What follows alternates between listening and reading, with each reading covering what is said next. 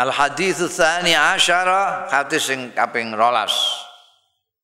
An Abi Hurairah radhiyallahu anhu Kala ngendika sapa Abu Hurairah kala dawuh sapa Rasulullah sallallahu alaihi wasallam min husni islamil mar'i tarkuhu ma la ya'ni.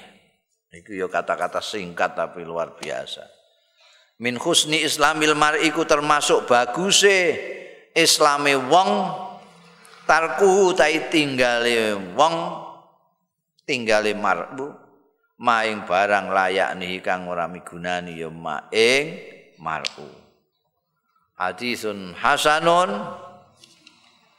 Iki hadis hasan rawahu kang riwayatake hadis sapa Tirmizi Imam Tirmizi wa ghairuhu lan liyane Imam Tirmizi hakadha kaya mengkono redaksine. Min husni islamil mar'i tarkuhu malayani Jadi ninggalake perkara sing ora ana gunane kuwi termasuk baguse islame wong. Ngobrol tidak guna mbok tinggalkan itu kamu sudah melakukan sikap Islam yang baik. Eh? Bantah-bantahan gak ana gunane tinggalkan. Itu laku Islam yang baik. Itu termasuk bagusnya Islami wong kuwi ninggalake perkara sing ora ana paedahe. Oh, banyak perkara kan juga babonan juga. Yang tidak ber, punya guna itu kan banyak sekali. Enggak manfaati pirang-pirang. Ngobrol ngalor ngidul eh, termasuk ndelok TV eh sinetron ndeloke ora urut barang iku mbok nggo apa. Ora ana gunane wong gak gak mudeng. Kula seneng niku tiyang kok seneng tiyang Ceritane, wah nggih duka wong kula anggere anu niki pun suwe niki sinetron niki.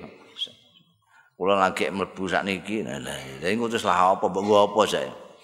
Terus mbakas bintang film ngono iku apa manfaate kanggo kowe iku lah apa. Tok mbakas kok koyo dulurmu ngono lho. Eh, wis saiki pegatan ya.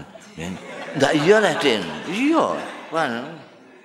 Pegatan apa? Iya wis anu kok mengajukan anu tuntutan ning pengadilan agama.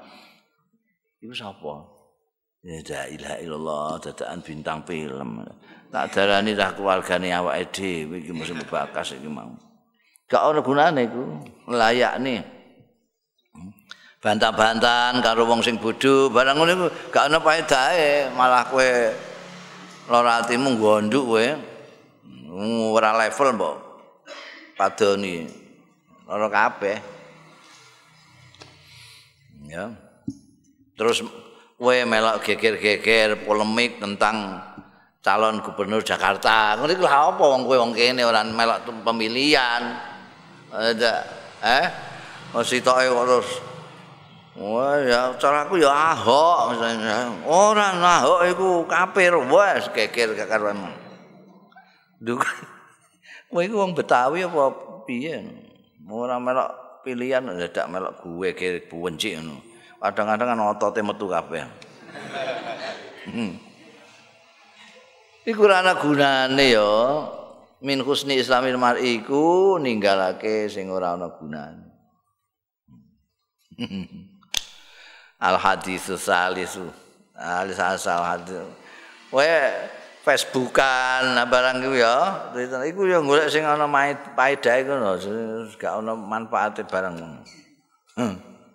glegeken barang mbok tulis. Glegeken mbok status no iku lha apa